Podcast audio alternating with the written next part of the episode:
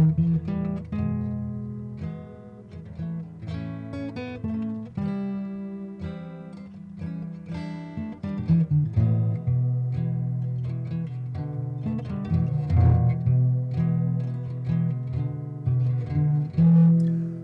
بكل مشاهدي ومتابعي القناة. اليوم نتكلم عن كيفية تخزين الذاكرة داخل آه، دماغ الإنسان وما هي الطريقة التي آه، نسترجع بها هذه الذاكرة وفي أي مناطق من الدماغ آه، يتم تخزين هذه المعلومات في داخل الخلايا العصبية. في البداية نعرف أنواع الذاكرة التي تخزن داخل الدماغ. هناك نوعين أساسيين من الذاكرة. الذاكرة الأولى هي الذاكرة الإجرائية بمعنى آه، معرفة كيف نفعل شيء معين مثل قيادة السيارة، قيادة الدراجة، تصليح شيء معين أو ماكينة معينة، آه، عملية المشي إلى آخره، وهذه الأشياء نتعلمها خلال الوعي، نتعلمها بكامل آه، وجود الوعي. وهذه الخبرة تتحول إلى ذاكرة آلية أو تلقائية بمعنى أنك عندما تتعلم قيادة السيارة بعد فترة ستقود السيارة بدون أن تشعر بدون أن تفكر بوعي وتركيز على ما تفعله عندما تقود السيارة النوع الآخر من الذاكرة هي الذاكرة التقريرية أو الذاكرة التي تأتي من الحوادث أو الأحداث التي تجابهنا في الحياة وهناك نوعين آه، من هذه الذاكرة العرضية أو الحوادث الشخصية وهي تمثل الأحداث الشخصية التي حدثت معك خلال طول حياتك. النوع الآخر هي الذاكرة الاستدلالية أو المنطقية أو حتى الذاكرة المجردة. بمعنى أنك تتعلم معلومات بشكل عام مثلا الرياضيات مثلا الموسيقى المعلومات أو المعرفة التي تستدل عنها عن طريق المنطق مثلا.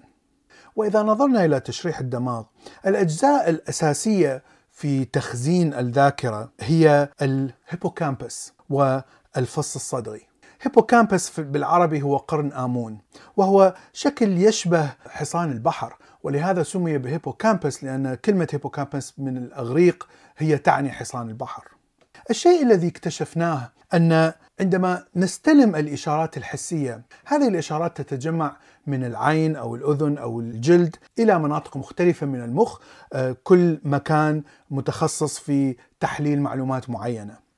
بعدها كل هذه المعلومات تبعث إلى الفص الأمامي. الفص الأمامي سيحلل هذه المعلومات وعلى أساس سوف يقرر آه، ماذا يفعل الكائن الحي. وهذه الذاكرة المؤقتة تبقى في الفص الأمامي من 30 ثانية إلى بضع دقائق تختلف حسب الإنسان الآن بعد هذه الفترة هذه الذاكرة تنتقل إلى الفص الصدغي أو ال temporal cortex وال hippocampus. وهذه الذاكرة إما تخزن في هذه المناطق حتى تتحول إلى ذاكرة دائمية أو تنسى تماما وتهمل ولا تخزن أو تخزن جزء منها. وبعد يوم مثلا من من تخزين الذاكرة نرى أن الذاكرة تبقى في الهيبوكامبس لكنها تدريجيا تبدأ بالانتقال إلى أجزاء معينة من المخ مثلا إذا كانت إذا كانت هذه الذاكرة صورة معينة فهي ستنتقل مثلا إلى الفص occipital lobe والذي يكون في مؤخرة المخ والذي يكون مسؤول عن تحليل الصور والمعلومات التي تأتي من العين فخلال فترة أسبوع مثلا ترى أن هذه الإشارات تنتقل من ال hippocampus إلى فصوص المختلفه من المخ حسب نوع الذاكرة.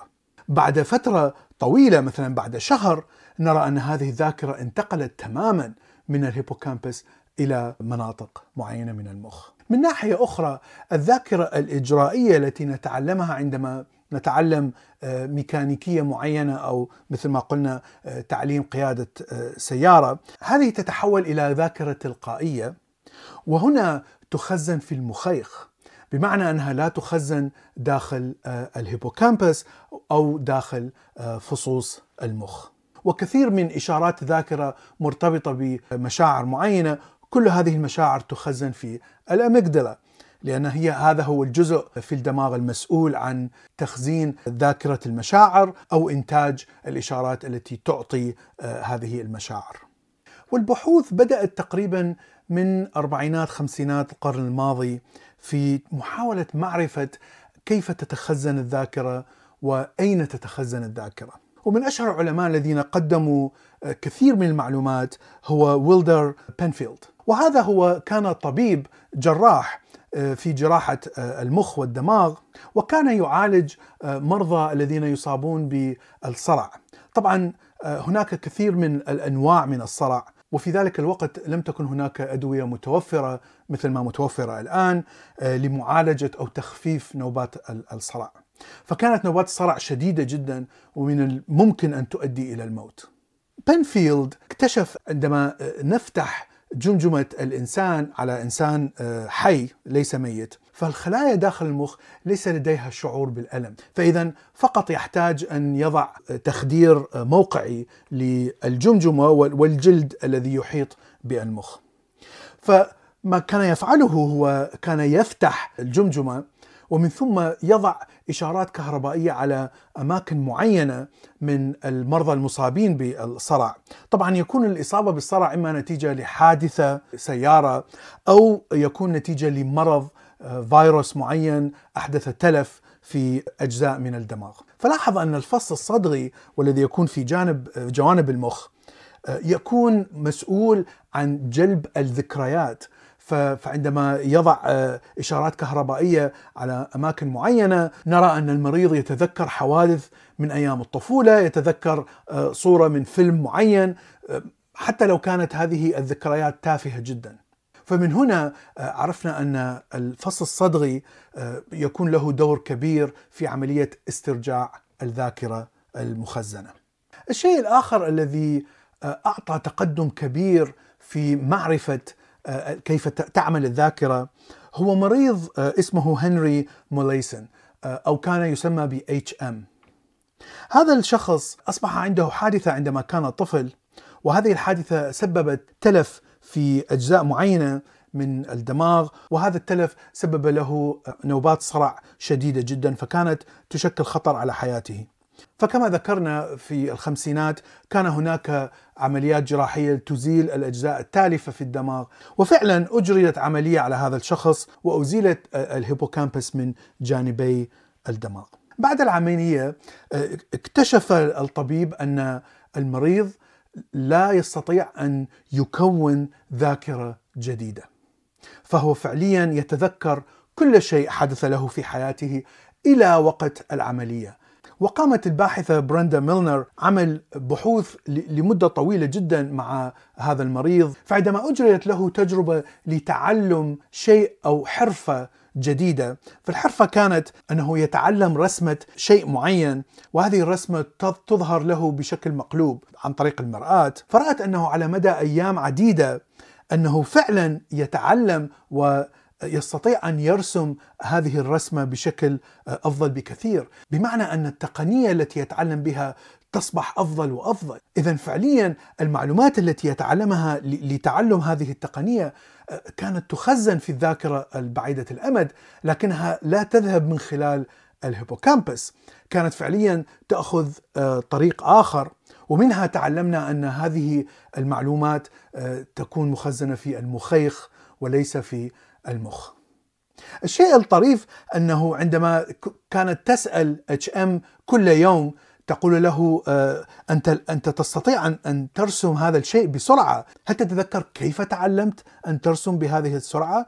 يقول لها أنا لم أرسم هذا الشيء في حياتي، فطبعا هو لا يعي أنه كان يتمرن آه، على هذه الحرفة أو على هذه الرسمة.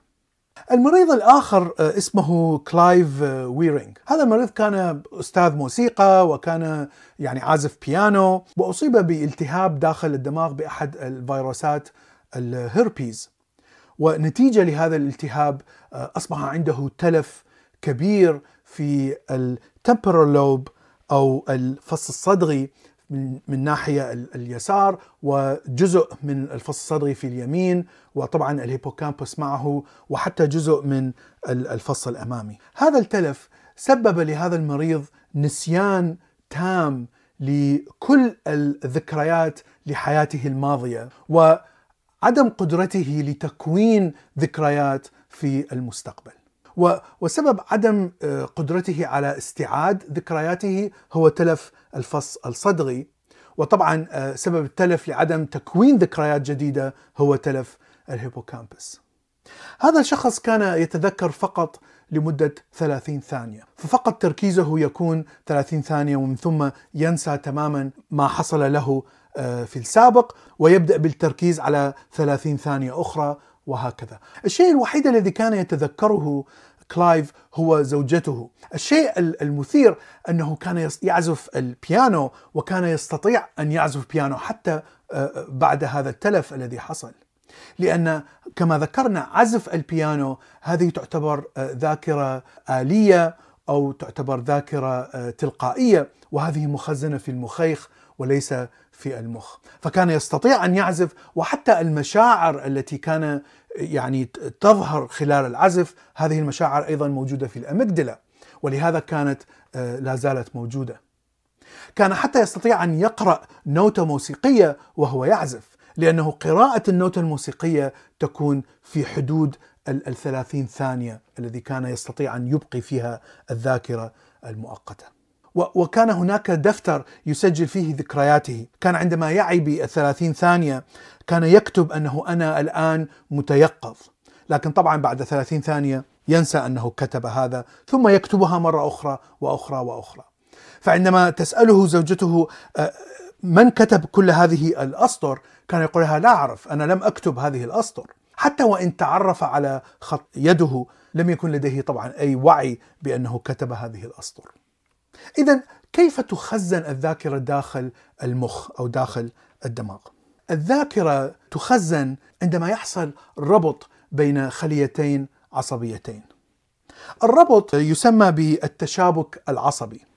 والطريقة التي تحصل بها هذا الربط ما بين الخلايا العصبية فمثلا عندما تأتي إشارة من العين فتعتمد على أهمية هذه الإشارة. فإذا إذا كانت هذه الإشارة غير مهمة فنرى أن هذه الإشارات بعد أن تأتي من الفص القذلي آه، تذهب إلى الفص الصدغي والهيبوكامبس وهنا آه، يحصل الترابط ما بين الخلايا العصبية. فالترابط يكون بعدة آه، عمليات كيميائية منها مثلا وجود الدوبامين وهو طبعا الهرمون المهم جدا الذي يحفز انتقال الإشارات ما بين الخلايا وطبعا هناك مواد كيميائية مثل الكالسيوم أيضا يشترك في هذه العملية. إذا كانت هذه الإشارة غير مهمة نرى أن الترابط يكون ضعيف ولا يصل إلى نواة الخلية العصبية المستلمة. إذا كانت الإشارة قوية بمعنى إذا ظللت تنظر إلى شخص معين وترى أن هذا الشخص معين يفعل شيء مثلا آه، شيء خطر أو شيء آه، مثير أو شيء مضحك إلى آخره فإن الإشارات البصرية التي تأتي آه، لهذا المنظر أو لهذا الشخص تكون تبدأ بتقوية هذا الربط ما بين الخليتين العصبيتين. فهذا الربط يبدأ بالانتقال وهذه الإشارة تبدأ بالانتقال إلى نواة الخليه العصبية. وداخل النواة يتم تحفيز أحد الجينات حتى يكون messenger RNA حتى ينقل هذه الإشارة هذه الذاكرة إلى خلايا أخرى ليتم تحفيزها بشكل أقوى وأقوى. وهناك مركبين كيميائيين داخل النواة، مركب يساعد على تحفيز هذا الجين حتى تتقوى هذه الذاكرة، ومركب يثبط من تحفيز هذا يقلل من تحفيز هذا الجين. وهذا هو سبب أن الذاكرة الغير مهمة بالنسبة لنا فإننا ننساها، فهنا يكون المثبط أقوى من المحفز. وكل هذا يعتمد طبعا كما ذكرنا على قوة هذه الإشارة. وبشكل عام فنرى أن الإنسان الذي يتقدم بالعمر نلاحظ أن 40% تبقى الذاكرة عندهم جيدة لكن نرى في الستين في المئة هناك تبدأ المشاكل في الذاكرة ويبدأ الإنسان بنسيان الأشياء القديمة أو أو نسيان حتى الأشياء الميكانيكية التي كان يفعلها. ونصف هؤلاء يصبح لديهم ألزهايمر أو ظواهر لمرض شبيه جدا بالألزهايمر وهو النسيان السريع وتلف سريع لخلايا المخ. وهناك أبحاث كثيرة لمعرفة لماذا يحصل هذا التلف. إحدى هذه الأسباب هو نقصان وجود الدوبامين داخل الدماغ. هناك خلايا معينة في منتصف داخل الدماغ هي التي تنتج الدوبامين. ففي حالة إذا بدأت هذه الخلايا بالموت فإن الدوبامين يقل إنتاجه وهذا يسبب مرض الباركنسون مثلا وحتى مرض الزهايمر. وهناك أيضا مادة اكتشفت تسمى بالبيتا أميلويد وهذه المادة تكون مثل المثبطة للجين الذي يساعد على تكوين الذاكرة الدائمية. فهي فعليا يعني مادة سامة ممكن أن تتراكم داخل خلايا المخ. وأيضا تم التعرف على جين معين هو الذي يسبب بتراكم هذه المادة داخل الدماغ وحتى من الممكن أن نعمل فحص جيني ونستطيع أن نكتشف إذا كان هذا الجين موجود أو لا. فالأدوية الموجودة لمعالجة مرض ألزهايمر هي فعليا إما تزيد الدوبامين أو تحاول أن تقلل من مادة البيتا آميلويد داخل خلايا الدماغ. وطبعا هناك تغيرات كبيرة على استجابة أو قابلية المخ على الاستجابة لهذه الأدوية أو حتى لجرعات من الدوبامين. ولهذا طبعا هي لا تعمل عند كل مرضى ألزهايمر. في الختام الذاكرة تتكون طبعا عندما يكون الإنسان طفل. والشيء المثير أن مخ الإنسان يكون تقريبا صفحة بيضاء عندما يولد وترى أن الخلايا العصبية ليس هناك أي ربط أو تشابك عصبي ما بينها عند الطفولة. وقابلية تكوين هذا الترابط الشبكي تكون عالية جدا. وهذا ما يسمى بنيوروبلاستيسيتي أو قابلية تغير أو تشابك الخلايا العصبية. فكلما زدنا بالعمر كلما قلت هذه الكفاءة كفاءة الترابط الشبكي ما بين الخلايا العصبية ولهذا كل شيء نتعلمه عندما نكون أطفال نتعلمه بشكل كفاءة عالية جدا وسهولة عالية جدا إذا ما قارناه بالتعلم عند الكبر. والشيء المهم الذي يساعد على التقليل من من تلف الذاكرة هو أن دائما نبقى بأجسام صحية كما يقولون التمارين، المشي، الرياضة مهمة جدا وأيضا الرياضة الذهنية. يعني دائما حاول أن تتعلم شيء جديد. تحاول أن تتعلم ميكانيكية أو تقنية جديدة. كلما تحاول أن تتعلم شيء جديد فإنك تفرض على المخ أن يبني أواصر جديدة ما بين الخلايا العصبية. وهذا هو الشيء الذي يساعد على النيوروبلاستيسيتي. وهذا الشيء هو الذي يساعد على بقاء المخ بشكل حي وبشكل دائما يكون هذه الأواصر. هذا ما أردت أن أقوله اليوم. شكرا لكم وإلى اللقاء في حلقة